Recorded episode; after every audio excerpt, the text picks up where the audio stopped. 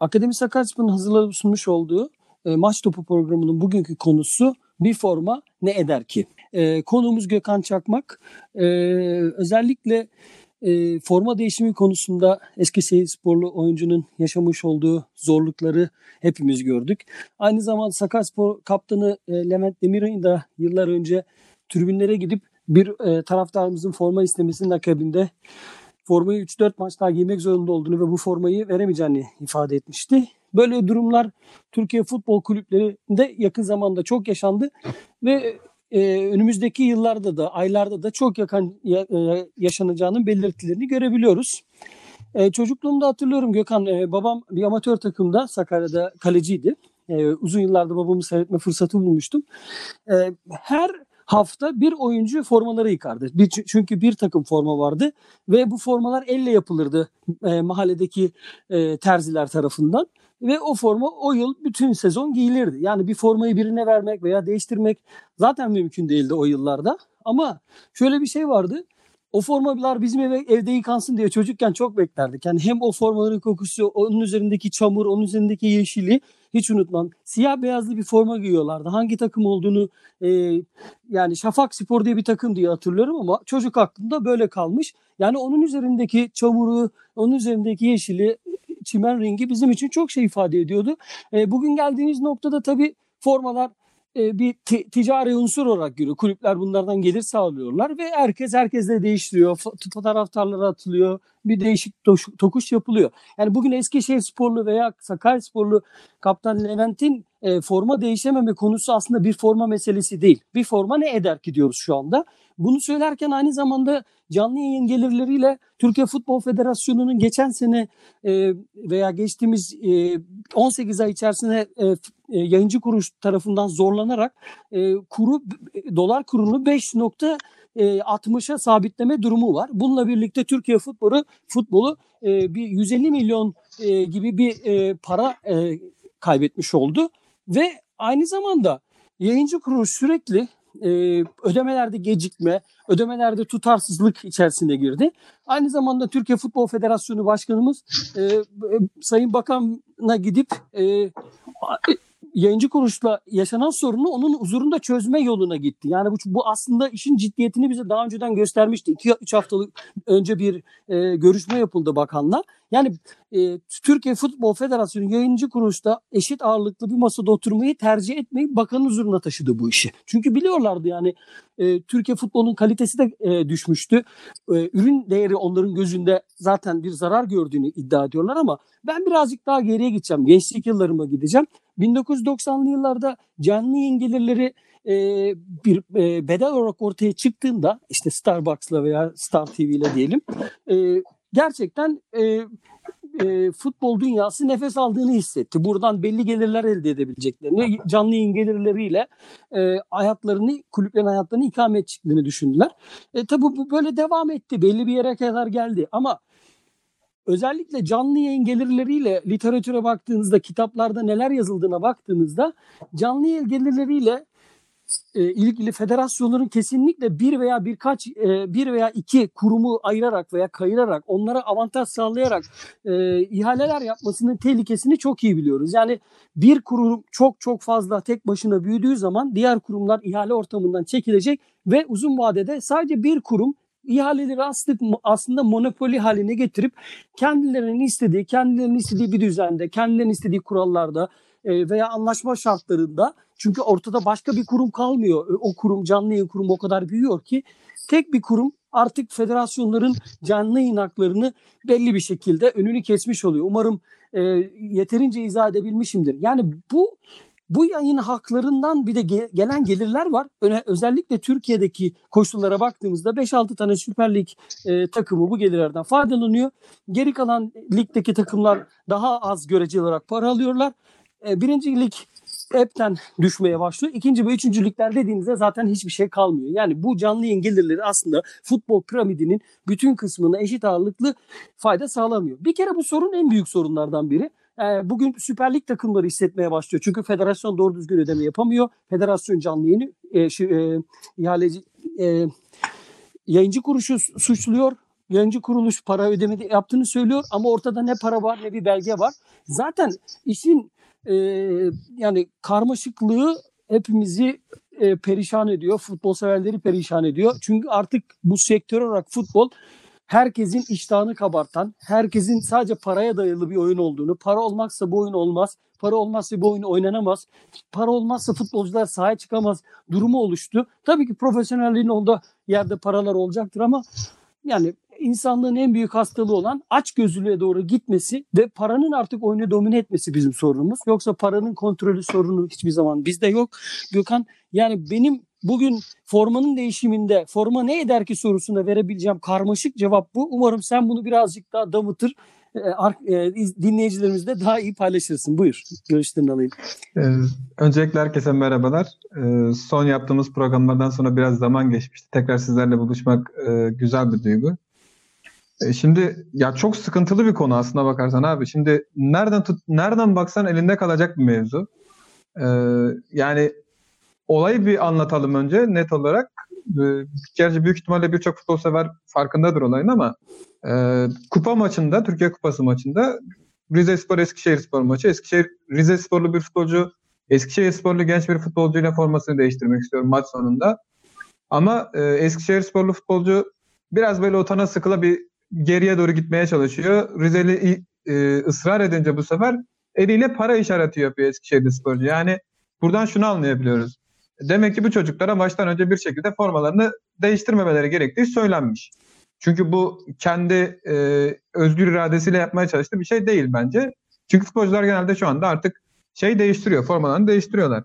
Ha, senin bahsettiğin o eski döneme geri dönecek olursak oradan gelelim istersen. Ee, eski dönemde evet yani formaların bir kutsallığı vardı çünkü tekti dediğin gibi. Ben de mesela amatörde futbol oynadım. Bizim zamanımızda da öyle takım takım formamız yoktu yani. Bir ya da iki takım formamız vardı. O da farklı renklerde olmak zorunda olduğu için. Ee, tabii benim biraz da e, 2000'li yılların başlarında dayanıyor. Yani 2000, 2005, 2006 gibi bahsettiğim süreçler. Ya biz de e, bir şekilde formaları ke- kendi evimize götürüyorduk. Herkes kendi formasını yıkıyordu. Kulübe geri götürüyorduk yani. Süreç böyle işliyordu. Tabii senin bahsettiğin dönemler daha eski. Orada e, sadece tek bir takım forma var. Ve orada formanın kutsallığı ön planda.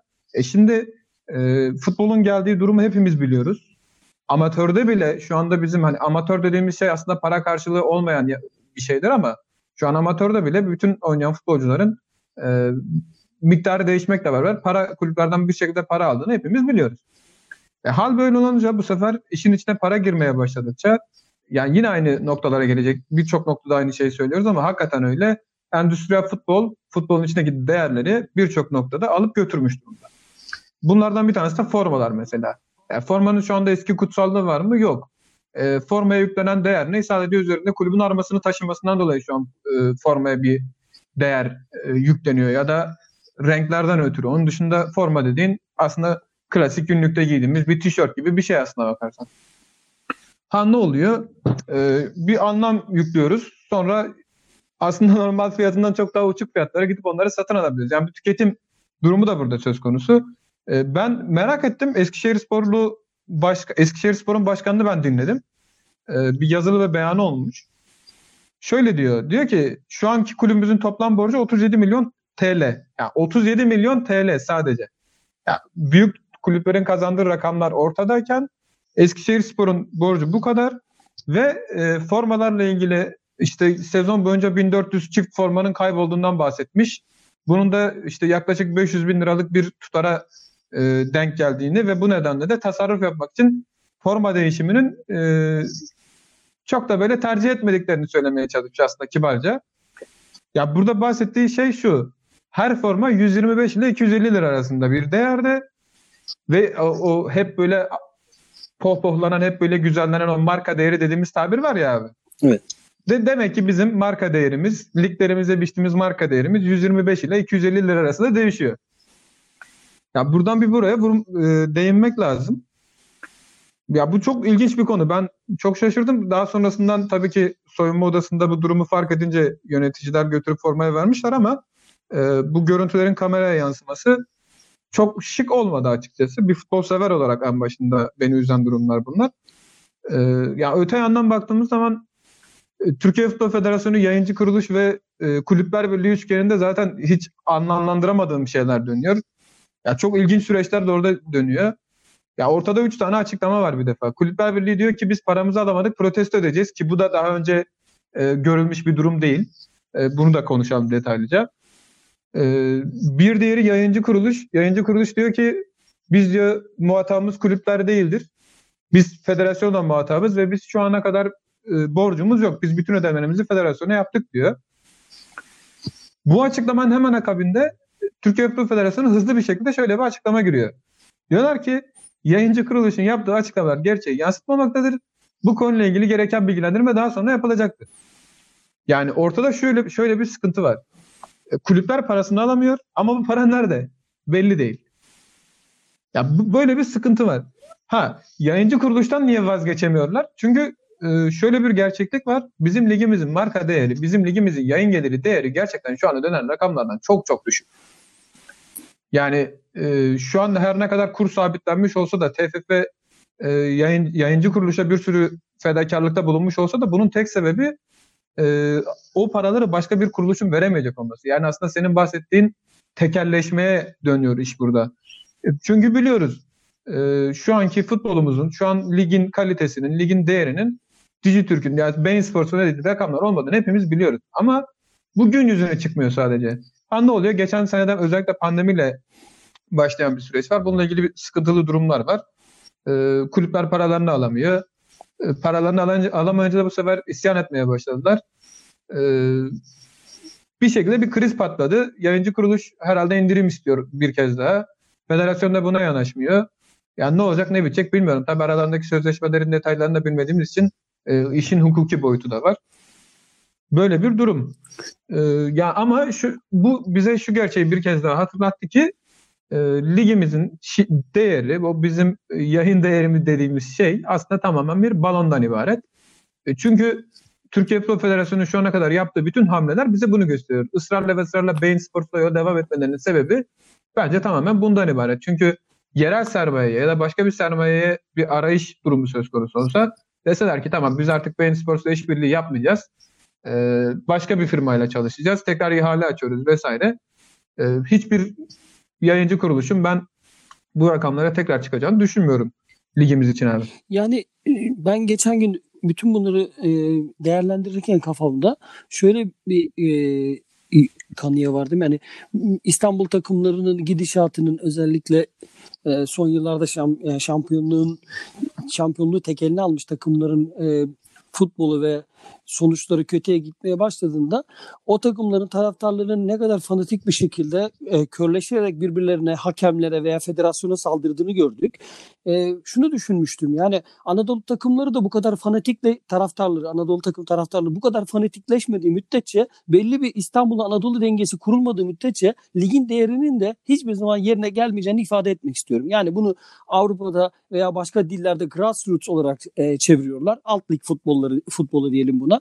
Bu ekonominin yani İstanbul'la Anadolu'nun ekonomik dengesi veya rekabet dengesi ortaya e, net çık net bir şekilde çıkmadığı müddetçe ben e, bu işin ekonomik olarak düzeleceğini düşünmüyorum. Sportif olarak o denge, dengeleyeceğini düşünmüyorum. Yani e, gerçekten e, bugün e, futbolu ve sporun herhangi bir spor dalını en çekici kılan şeylerden biri sonucun belirsizliğidir. Yani son e, 20 yılını canlı bir şekilde takip ettiğimiz bu liglerde e, hem Süper Lig hem birincilik hem ikinci liglerde sezonun başında biz biliyoruz ki o ligi kim şampiyon bitirebilir, kim küme düşebilir. Hani 3 takım içerisinden 5 takım içerisinden 3 tane küme düşecek takımı biliyoruz. 3 takım içerisinden de kim şampiyon olacak diye biliyoruz. Böyle bir ligden uzun yıllar zevk alan insanların geleceğe başka bir sonuç yoktu. Bu sonuç kaçınılmazdı zaten. Çünkü e, oyun belirsizleştikçe güzelleşiyor. Ve bu belirsizlik rekabetle ancak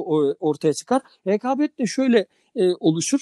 Yani bugün İstanbul'daki takımların Anadolu'ya gönderdikleri 2-3 kişiyle, scout bile demeyeceğim bunlara, 2-3 kişiyle o biraz körpeleşen e, Anadolu kulüplerindeki e, gençleri İstanbul'a çağırıp onlara e, belli bir e, gelecek vaat ederek onların futbol hayatlarını nasıl söndürdüğüyle ilgili uzun uzun e, konuşmalar yapılır, uzun uzun programlar yapılır. Onun için yani özellikle Anadolu kulüplerinin e, güçlendiği bir ortamda ancak futbol e, Türkiye'de tekrar dengesini e, dengesini bulur diye düşünüyorum. Bu e, e, gelir dağıtımının bu kadar dengesiz olduğu, eşitsizlik olduğu, eşitsiz olduğu bir ortamda gerçekten e, bizim iyi bir futbol, iyi bir oyun ortaya koyacak bir lig beklememiz imkansız. Yani bunu üçüncülüklerden de söyleyebilirim. Mesela diyelim ki üçüncülükte bir takımımız var. Bizim takımımız 25 milyon bir e, piyasa değeriyle takım kurdu ve lige başladı. E, diğer tarafta da e, A, B, C Belediye Spor e, 5 milyonluk bir takım kurdu. E, bir tane daha takım var ilçe takımı yine. O da 6 milyonluk. İşte onun gibi 6 milyonluk 8-10 tane daha takım var. Biz de 25 milyon harcamışız. Şimdi böyle birlikte futbol seyretmenin 3. lig bile olsa bu bırakın Süper Ligi altlara geri gelelim. Böyle birlikte futbol seyretmenin bir ne anlamı var? Yani şöyle 11'e karşı 8 kişi oynamak gibi değil mi bu Gökhan yani? Ben böyle bir dengesiz ortamda Doğru. taraftarın tekrar bilinçlenmesi ve taraftar kültürünün yarışmacı isteğin ve oyunun belirsizliği durumunun tekrar gözden geçirip taraftarın bunu anlaması gerekiyor önce.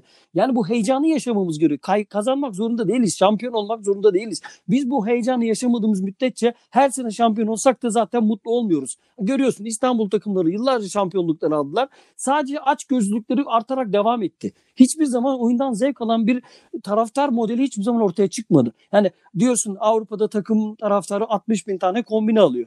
Yani alıyor çünkü insan o oyunun e, rekabetinden, oyunun belirsizliğinden, oyunun heyecanından, taktiksel değişiminden zevk alan bir taraftar modeli var. Ama maalesef bizim ülkemizde sadece kazanmaya yönelik birçok erkeğin statlarda bir araya gelip küfür, kafir bağırarak sonuçları her ne pahasına olursa, bedeli ne olursa olsun almaktan başka bir amacı olmayan bir e, bir arena yani futbol. Onun için Abi bu şöyle, dengenin bir kere gözden geçirilmesi gerekiyor herhalde. Doğru söylediklerine son derece katılıyorum. Son derece yerinde tespitler. Ee, şimdi bizde mesela şöyle bir şey var taraftarlar arasında özellikle. Ee, ben, ben bilmiyorum çok rastlamadım bir tezahürat. Vur kır parçala bu maçı kazan diye bir tezahüratımız var mesela bizim yani. Yani bu tamamen senin söylediklerini aslında bir nebze olsun somutlaştıran bir şey. Ne olursa olsun kazanmalıyız. Hayır, kazanmalıyız diye bir durum söz konusu değil. Ya iyi oyna, iyi oynamalıyız bir şekilde. Bir şekilde bu oyunu Kur'an'ına göre oynamalıyız. Bence kaçırdığımız nokta burası. Sonuçta e, biz bunun bir oyun olduğunu ve bu oyundan e, oynayanların zevk alması gerektiğini, bunun yanı sıra bu oyunu dışarıdan e, seyirci olarak izleyen bizlerin de zevk alması gerektiğini unutuyoruz.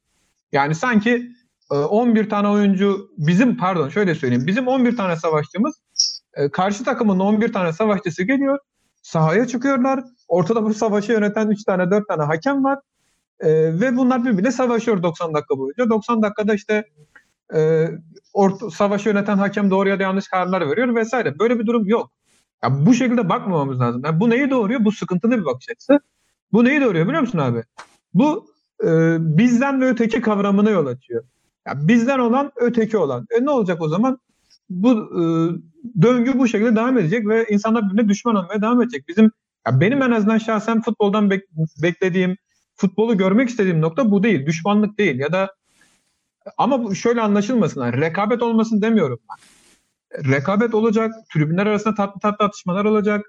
Ee, ama işte iş bizden ve ötekine doğru gittiği zaman biraz daha böyle şiddete varan eylemler oluyor. Bu durum sıkıntılı. Gelelim şey konusuna. Ee, marka değeriyle ilgili bahsettiğimiz o genel yapılanma ile ilgili konuya. Ya burada mesela güzel örnekler var. O bahsettiğin gelir dağıtım modelleriyle alakalı e, ya da işte Anadolu kulüplerinin bir şekilde daha doğrusu ligde yer alan bütün kulüplerin bir şekilde e, ortak kazançlar elde edip birbirine yakın kazançlar elde edip daha kaliteli futbol oynayabilecek yapıya gelmesiyle alakalı. Mesela e, burada lig yönetiminin ön plana çıkması lazım işte abi. E, bizde çok ciddi bir gelir e, dağıtımında bir adaletsizlik var e, ve senin de bahsettiğin gibi özellikle İstanbul kulüpleri daha önce şampiyon olmuş kulüpler e, bu gelir pastasından çok büyük bir payı alıyorlar ve bu paraları ne yönde harcadıkları da çok belli değil. Kimsenin de bununla ilgili bir sorumluluğu da yok zaten. O da ayrı bir konu. E, öte yandan baktığımız zaman Anadolu'da da son dönemde özellikle çok başarılı takımlar var. Çok başarılı işler yapıyorlar. Mesela bu sene Alanya Spor'un yaptığı e, çok değerli bir iş. işte geçen senelerde de aynı şekilde benzer işte Bursa Spor'un şampiyon olması gibi e, düşük paralarla iyi işler, doğru işler yapıldığı zamanlar demek ki sportif başarı elde edilebiliyormuş. E, her şey parayla e, endeksi değil ama e, şöyle düşünmek lazım. Şu an bizim hiçbir kulübümüz Avrupa arenasında yok. Bunun da sebebi e, bir şekilde doğru düzgün yönetilmeyen futbol dünyamız. Ben böyle düşünüyorum. Teşekkürler ediyorum Gökhan. E, e, e, bu kısa programda e, e, özellikle forma konusu, canlı yayın gelirleri, canlı yayın gelirlerin dağıtımı, ondan sonra Türk futbolunda azalan rekabet, rekabetten azalan rekabetten kaynaklı e, tatsız e, futbol liglerimizi e, konuşmaya çalıştık. Gerçekten bir formanın değeri nedir ki e, konusuna başka programlarda devam edebiliriz. Özellikle Saffet Sancaklı'nın e, e, liglerin e, tekrar regüle edilmesiyle ilgili yapmış olduğu konuşmayı umarım başka bir programda seninle e, dolu dolu tartışırız. E, konumuz oldun, konuk olduk sana. E, Akademi Sakaryaspor'un hazırladığı maç topu e, programı burada sonuna gelirken son kelimeleri sana veriyorum. Teşekkür ediyorum. Ee, ben de teşekkür ederim abi. Kısa oldu ama çok keyifli bir e, sohbet oldu benim için de. E, senin de bahsettiğin gibi bir sonraki programa e, inşallah elimizde net bir metin olur, olur da e, Saffet Sancaklı ve bahsettiği kulüpler yasası ile ilgili üzerine net bir şekilde konuşabiliriz. Son olarak şunu söylemem gerekirse e, bu şey forma konusu hakikaten çok sıkıntılı bir konu. E, umarım ileride kulüplerimiz bu tarz işte borç yükü gibi vesaire durumları aşarlar. E, umarım ileride bu görüntünün tekrarını yaşamayız. Çünkü sahadaki o gencecik futbolcunun ruh halini ben şu an e, düşünmek bile istemem. Gerçekten çok kötü hissediyordur kendini. Umarım tekrar yaşanmaz diyeyim. Ee, hoşça kalın diyelim. Akademi Sakaryaspor'un hazırlayıp sunmuş olduğu Maç Top programının bugünkü konusu bir forma nedir ki idi.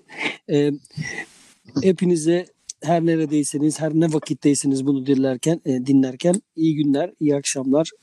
Hoşçakalın.